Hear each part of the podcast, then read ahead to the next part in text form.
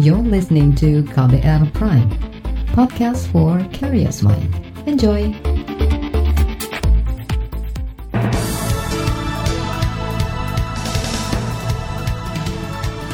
Halo selamat pagi Indonesia, senang sekali saya Reski Mesanto hadir kembali pagi hari ini Seperti biasa di Buletin Pagi, hari ini edisi Rabu 18 November 2020 Pagi hari ini seperti biasa, tim redaksi KBR telah menyiapkan sejumlah informasi untuk Anda. Di antaranya kepolisian selidiki pelanggaran pidana kerumunan masa FPI.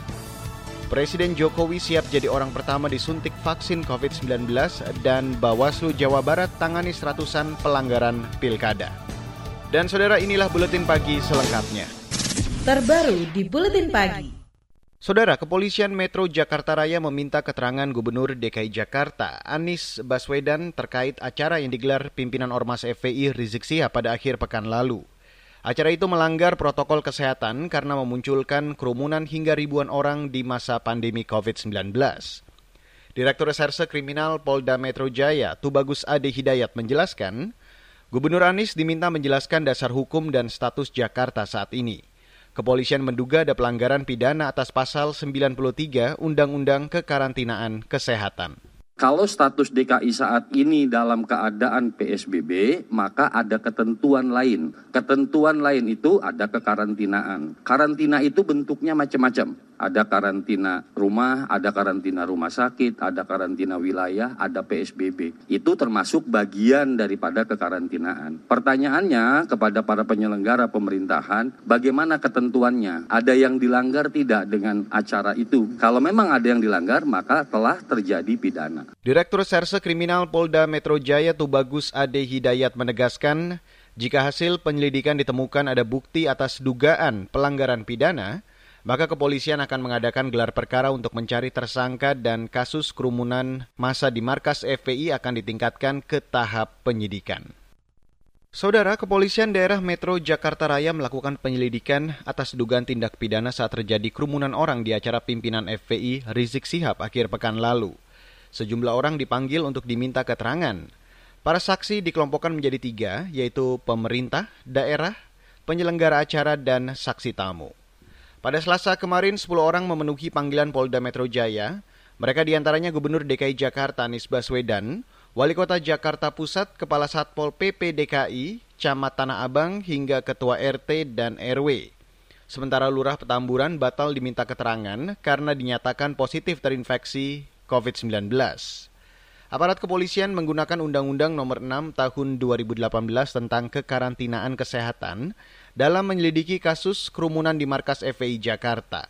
Dalam pasal 93, undang-undang itu disebutkan setiap orang yang tidak mematuhi penyelenggaraan kekarantinaan kesehatan atau menghalang-halangi penyelenggaraan kekarantinaan kesehatan sehingga menyebabkan kedaruratan masyarakat diancam pidana penjara satu tahun atau denda maksimal 100 juta rupiah. Sementara itu, Saudara Gubernur DKI Jakarta Anies Baswedan kemarin menjalani pemeriksaan selama 8 jam di Polda Metro Jaya. Menurut Anies, penyidik Polda mencecar 33 pertanyaan. Anies mengatakan semua jawaban yang disampaikan sudah sesuai fakta yang ada. Saya tadi telah selesai memenuhi undangan untuk memberikan klarifikasi dan prosesnya berjalan dengan baik. Kemudian ada 33 pertanyaan yang tadi disampaikan menjadi sebuah laporan sepanjang 23 halaman. E, semuanya sudah dijawab sesuai dengan fakta yang ada. Gubernur DKI Anies Baswedan enggan membeberkan secara detail pertanyaan dan jawaban yang disampaikan dalam klarifikasi ke kepolisian itu. Ia hanya mengatakan proses berikutnya menjadi kewenangan Polda Metro Jaya untuk meneruskan maupun menyampaikan hasil-hasil klarifikasi tersebut. Sementara itu, saudara, hari ini Polda Metro Jaya berencana meminta klarifikasi dari penyelenggara kegiatan yang menimbulkan kerumunan di kawasan Petamburan, Jakarta Pusat.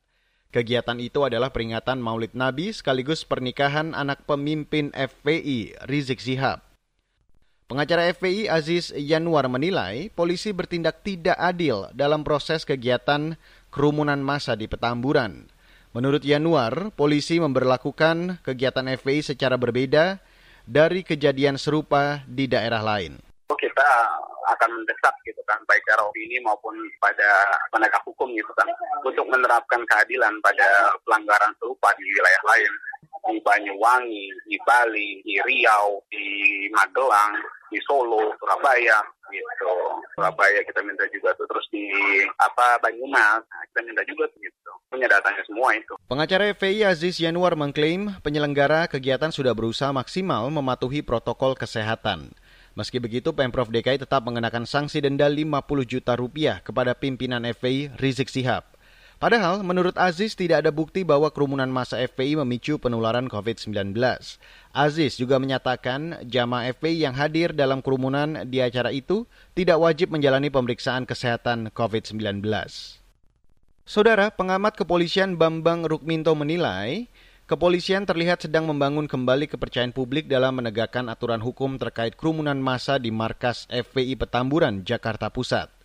Bambang mengomentari pemanggilan polisi terhadap Gubernur DKI Jakarta Anies Baswedan dan para anak buahnya. Nah, makanya kalau kemarin uh, pencopotan Kapolda Metro dan Kapolda Jawa Barat ini uh, ternyata tidak tidak berhenti sampai di situ saja dan juga kemudian berkembang kepada forum pimpinan daerah yang sebenarnya semuanya bertanggung jawab pada pelaksanaan protokol kesehatan terkait dengan COVID-19.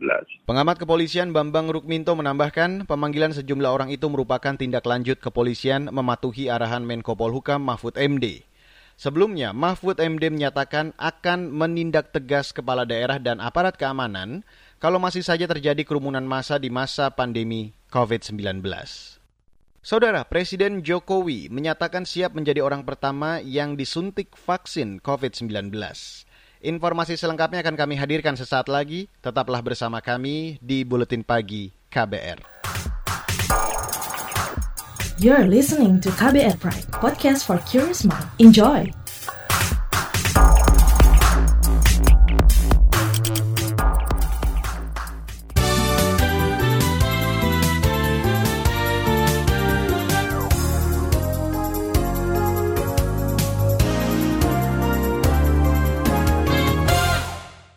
Kita lanjutkan buletin pagi hari ini. Presiden Joko Widodo menyatakan siap menjadi orang pertama yang disuntik vaksin COVID-19.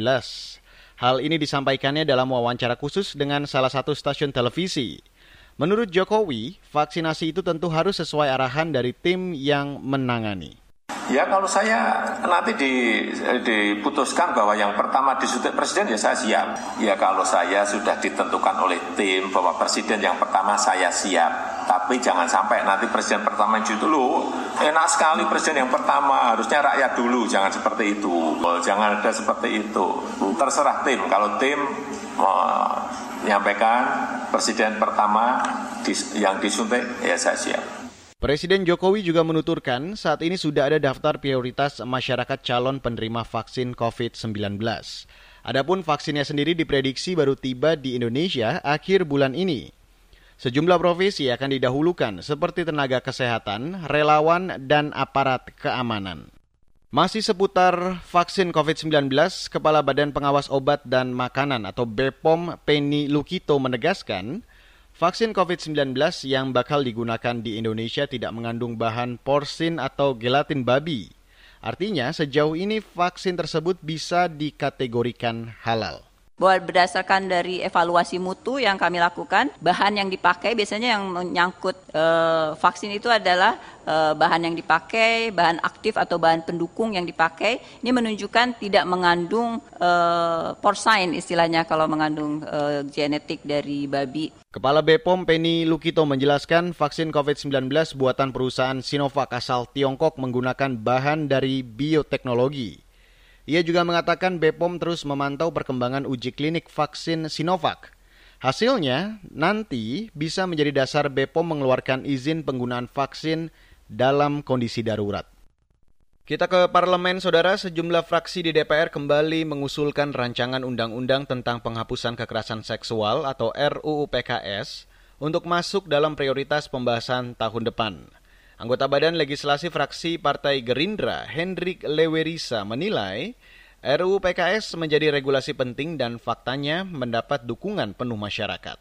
RU penghapusan kekerasan seksual ini Bapak Ibu sekalian, memang kalau kita berkomunikasi dengan berbagai kalangan terutama para penggiat aktivis HAM perempuan dan juga LSM-LSM yang memang peduli dengan perlindungan anak perempuan dan korban kekerasan seksual, memang ini desakannya sangat tinggi sekali. Dan oleh oleh karena itu kami memandang perlu untuk juga kami menaruh perhatian kepada RUU penghapusan kekerasan seksual ini. Sebelumnya, RUU penghapusan kekerasan seksual sempat ditarik dari prolegnas prioritas tahun ini. Alasannya lobi-lobi antar fraksi di komisi sulit dilakukan. Saudara, pemerintah segera memberikan program bantuan subsidi upah atau BSU bagi guru honorer dan tenaga pendidikan non-PNS. Menurut Mendikbud Nadiem Makarim, program itu dilaksanakan untuk menunjang perekonomian para pengajar yang memiliki gaji di bawah 5 juta rupiah per bulan dan terdampak pandemi COVID-19. Sedikitnya 2 juta orang akan mendapatkan bantuan tersebut. Siapa saja yang akan kita berikan adalah kepada dosen, guru non-PNS, guru yang diberi tugas sebagai kepala sekolah, pendidik PAUD, pendidik kesetaraan, dan juga tenaga perpustakaan, tenaga laboratorium, dan tenaga administrasi. Total anggaran yang disiapkan pemerintah 3,6 triliun rupiah. Beberapa syarat untuk mendapat BSU itu antara lain tidak menerima bantuan sosial lain, tidak mengikuti program Kartu Prakerja sampai 1 Oktober lalu dan berpenghasilan kurang dari 5 juta rupiah per bulan. Beralih ke mancanegara, sejumlah pelapor khusus hak asasi manusia PBB melalui laporannya mengingatkan pemerintah Kamboja bahwa upaya menegakkan prinsip-prinsip HAM bukan merupakan tindakan pidana. Pernyataan itu disampaikan para pelapor khusus PBB menanggapi laporan 21 aktivis HAM di Kamboja yang sudah ditangkap dan diintimidasi sewenang-wenang oleh aparat keamanan dalam kurun tiga bulan terakhir. Pelapor khusus PBB Mary Lawler dalam laporan tertulis yang diterbitkan Komisi Tinggi PBB untuk HAM mengatakan, sangat terkejut menyaksikan rekaman video aparat keamanan yang menggunakan kekerasan untuk menghentikan aktivis HAM. Beralih ke berita olahraga, Saudara, PSSI menerbitkan surat keputusan penundaan lanjutan kompetisi Liga 1 dan 2 Indonesia yang tidak bisa digelar tahun ini.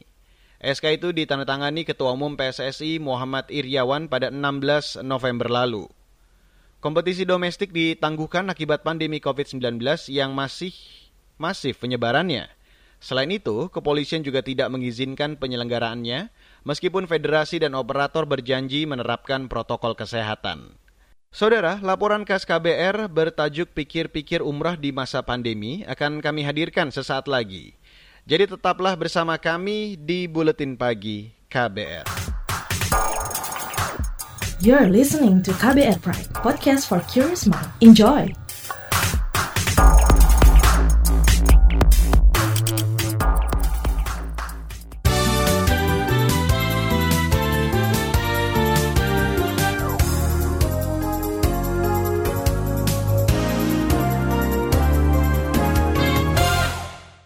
Saudara, nasib keberangkatan jamaah umroh Indonesia diliputi informasi simpang siur Tersiar kabar visa umrah dihentikan sementara oleh pemerintah Arab Saudi usai belasan jamaah Indonesia terkonfirmasi positif COVID-19.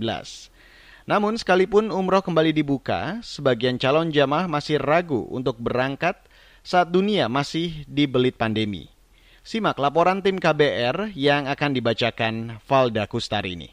Jumali masih harus bersabar untuk berangkat umroh ke Tanah Suci. Harapannya terbang ke Mekah Maret lalu pupus akibat pandemi. Sampai tahun hampir berganti, belum ada penjelasan gamblang dari Biro Perjalanan. Padahal, umroh sempat dibuka pemerintah Arab Saudi pada awal November lalu nggak ada info kapan diberangkatkan gitu ya. Ya alasan mereka kalau saat ini pemerintah Saudi Arabia kembali menutup untuk umum gitu ya. Dan menganalisa kembali tentang pemberangkatan jamaah dari Indonesia yang awal November kemarin sempat buka ya. Sejatinya Jumali masih ragu jika pun diizinkan umroh dalam waktu dekat. Ibadah di Tanah Suci saat pandemi pasti prosedurnya lebih rumit, pikirnya kekhawatiran sih sebenarnya tetap ada, apalagi dengan kebijakan pemerintah yang konon adanya biaya tambahan. Dan saya berpikir gini, kalau kiranya jadi berangkat di saat pandemi seperti ini, lebih lama karantinanya daripada pelaksanaan ibadah umrohnya. Kayaknya agak agak sedikit mikir-mikir ini.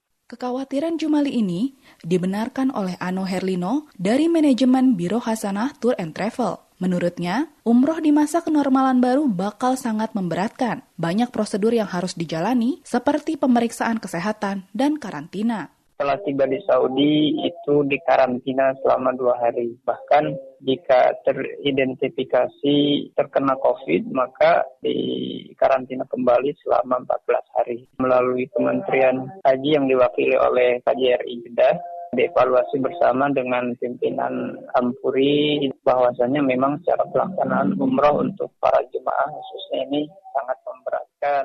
Menurut Ano, Asosiasi Biro Perjalanan Haji dan Umroh sudah menjajal prosedur umroh di Arab Saudi. Awal November, mereka memberangkatkan dalam beberapa kloter untuk menjajaki mekanisme umroh di masa kenormalan baru. Temuan 13 kasus positif berasal dari kloter tersebut, sehingga pemerintah Saudi menghentikan sementara visa umroh untuk jemaah Indonesia. Kata Ano, temuan kasus positif itu lantaran pemeriksaan tes usap di Indonesia dinilai tidak akurat ternyata dari segi pemeriksaan dan juga dari segi protokol kesehatan yang ada di Indonesia menurut pihak Saudi ini kurang akurat. Padahal jemaah-jemaah ataupun yang sudah melaksanakan umroh ini secara pemeriksaan baik di bandara maupun pemeriksaan kesehatan itu mereka negatif. Informasi ini dibantah Kementerian Agama. Mereka mengklaim tak ada keputusan resmi dari pemerintah Arab Saudi terkait penghentian sementara umroh jamaah asal Indonesia. Pelaksana tugas Dirjen Penyelenggaraan Haji dan Umroh Kemenak, Oman Fatur Rahman. Yang ada itu otoritas penerbangan sipil Saudi Arabia eh, menghentikan visa turis untuk negara-negara tertentu yang eh, masuk dalam eh, perjanjian visa turis. Tapi Indonesia kan tidak termasuk dalam list itu.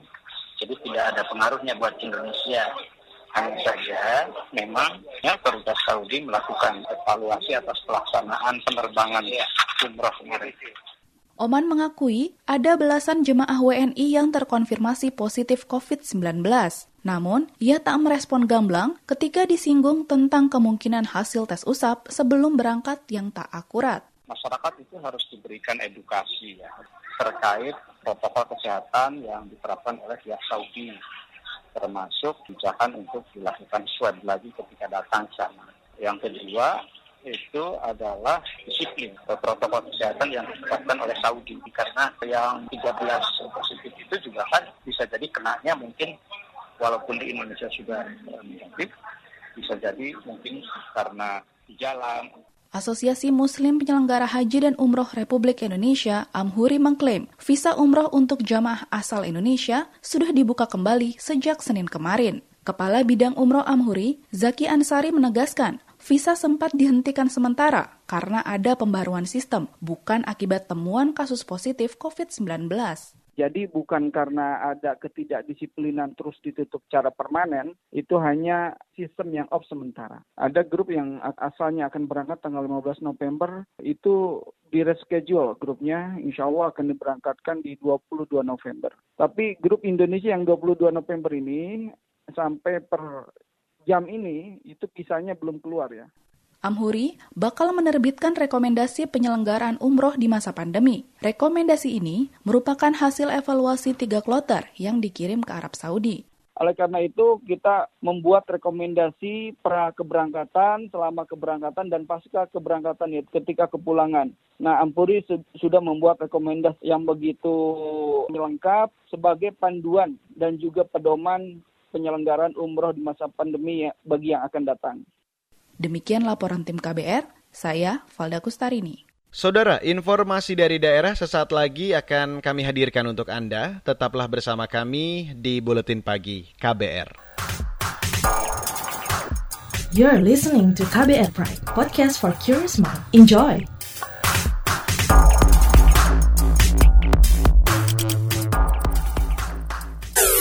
Commercial break. Anggota komunitas Be Home, Laras, memberi semangat kepada teman-teman Broken Home untuk berprestasi kalian tidak sendiri dan keluarga yang patah bukan berarti menghancurkan hidup kalian semua. Buktikanlah bahwa anak broken home itu juga berprestasi dan bisa berkembang sebagaimana layaknya anak-anak di luar sana karena untuk menjadi anak yang berprestasi atau sebagai anak yang dicap nakal itu tidak hanya dari anak broken home, anak dari keluarga yang utuh bahkan dalam keluarga yang utuh namun di dalamnya banyak konflik pun pun itu bisa menyebabkan nakalan remaja lah istilahnya. Simak obrolan selengkapnya dalam podcast Disko, diskusi psikologi dalam episode Ketika Rumah Bukan Tempat Ramah di kbrprime.id dan platform mendengar podcast lainnya.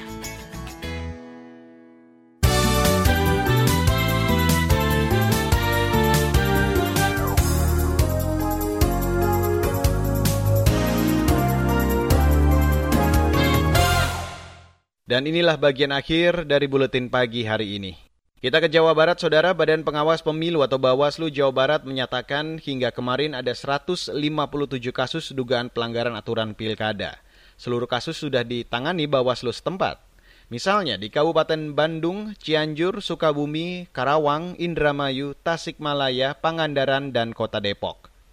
Ketua Bawaslu Jawa Barat Abdullah mengatakan, kasus pelanggaran netralitas ASN semakin mengalami peningkatan.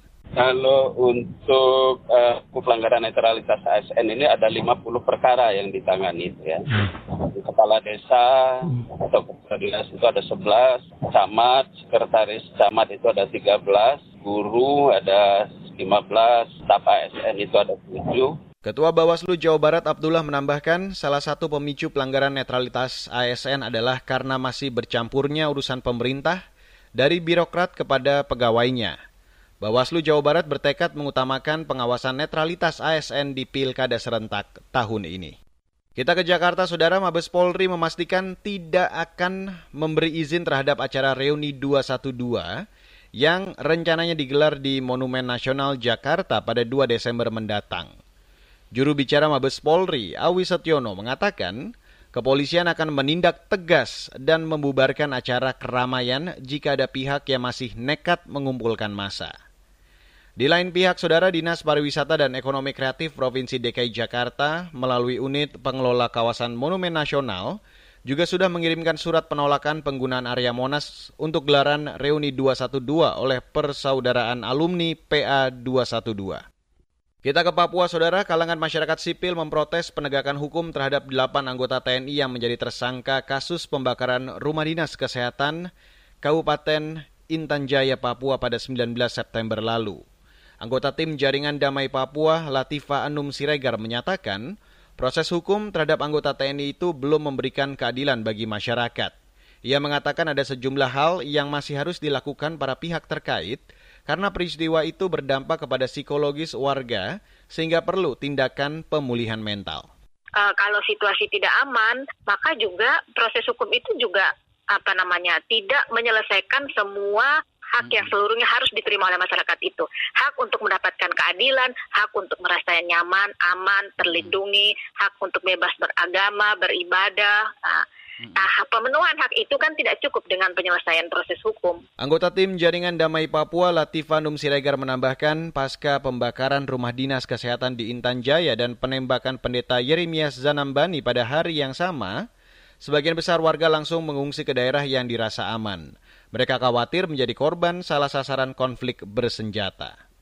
Sebelumnya, pembakaran rumah dinas kesehatan di Kabupaten Intan Jaya terjadi ketika aparat TNI melakukan penyisiran di Kampung Bomba Distrik Hitadipa 19 September lalu.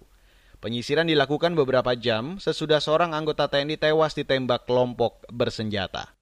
Dan saudara, informasi tadi akhirnya menutup buletin pagi hari ini, edisi 18 November 2020. Untuk Anda yang tertinggal Buletin Pagi, Anda tetap bisa menyimak di podcast Buletin Pagi di kbrprime.id atau platform mendengarkan podcast lainnya. Saya ajak Anda untuk juga memantau informasi terbaru melalui kabar baru setiap jamnya, situs kbr.id, Twitter kami di account at berita KBR, serta jangan lupa untuk kunjungi podcast kami di kbrprime.id. Akhirnya, saya Reski Mesanto, Mewakili tim redaksi yang bertugas pagi hari ini, kami undur diri. Salam.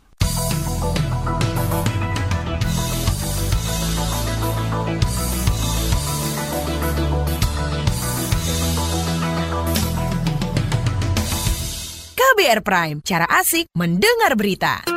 KBR Prime, podcast for curious mind.